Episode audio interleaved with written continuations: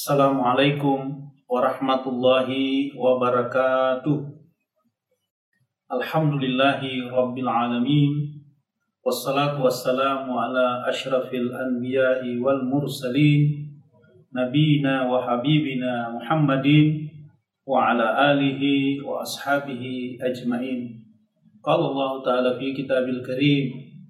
Alladina yunfikuna والغازمين الغيظ والعافين عن الناس والله يحب المحسنين معاشر المسلمين rahimakumullah Alhamdulillah kita sama panjatkan puji syukur kita kehadirat Allah Subhanahu wa taala di mana kita masih diberi kesempatan, kesehatan, keafiatan Allah Subhanahu wa taala dalam melakukan aktivitas keseharian kita. Hal ini patut kita syukuri karena kita mendapat hidayah dari Allah Subhanahu wa taala.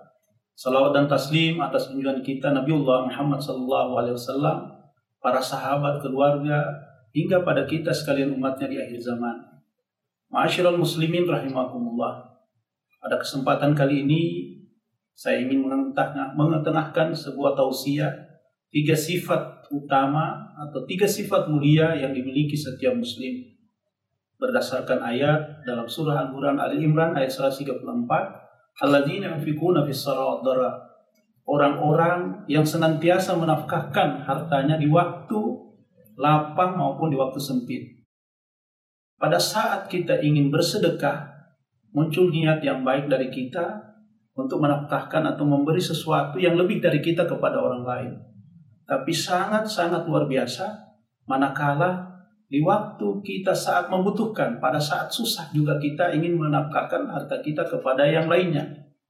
Kenapa? Pada saat itu juga, pada saat demikian, kita sangat membutuhkan, tapi masih mampu kita memberi kepada seseorang yang sangat membutuhkan dibanding kita pada saat itu. Kalau dermawan, hal itu biasa. Tapi kalau seseorang yang tidak mampu tiba-tiba memberi sesuatu yang lebih kepada saudaranya, itu sangat luar biasa. Kekinian niat itu biasanya muncul pada saat kita punya uang, punya harta. Tiba gilirannya kita punya, kita lagi menunda bersedekah itu. Hal ini sangat kurang baik di mata Allah Subhanahu wa taala. Karena sifat memberi sedekah pada saat waktu dan lapang itu rajin bersedekah itulah sifat pertama yang mulia yang dimiliki seorang muslim. Kemudian yang kedua adalah menahan amarah dalam posisi kesosial hari ini, kehidupan sosial hari ini sangat membutuhkan kecerdasan sosial kita di dalam menahan amarah-amarah atau emosi.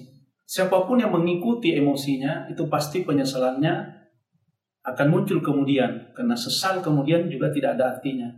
Dalam kehidupan birokrasi mana? tentu seorang harus memiliki kedewasaan dari segi tindak, perbuatan, dan perlakuan, dan seterusnya maka Nabi mengajarkan di kita, latak dakwalakal jannah. Siapa pun yang mampu menahan amarah, insya Allah akan mendapatkan jannah. Jannah yang dimaksud adalah kebaikan. Karena tidak satu pun orang yang melakukan kejahatan itu pasti buahnya adalah penyesalan. Maka sebelum terlambat, Al-Quran telah mengingatkan kita pada sifat mulia yang kedua adalah menahan amarah. Selebihnya yang terakhir adalah mudah memaafkan atau mampu memaafkan dalam konsep kehidupan kita senantiasa manakala kita dalam bertindak laku salah kita berusaha meminta maaf kepada sesamanya. Namun yang luar biasa yang kita dapati manakala seseorang itu punya hati lapang, punya hati luas yang begitu bagus, berhati langit dan dijunjung langit dan didoakan langit pada seorang hamba manakala dia di dalam kehidupannya selalu mampu memberi maaf. Karena itu yang luar biasa. Meminta maaf mudah, tapi memberi maaf itu jauh lebih sulit dari apa yang kita lakukan. Mudah-mudahan apa yang saya sampaikan ini sesederhana mungkin. Manakala kita ingin menjadi mulia, maka kita harus ingat tiga sifat mulia. Yang pertama adalah rajin bersedekah. Yang kedua, mampu menahan amarah. Yang ketiga, pandai memaafkan manakala ada kesalahan-kesalahan yang kita lakukan. Lebih dan kurangnya saya mohon maaf. Wabillahi taufiq wal hidayah. Assalamualaikum warahmatullahi wabarakatuh.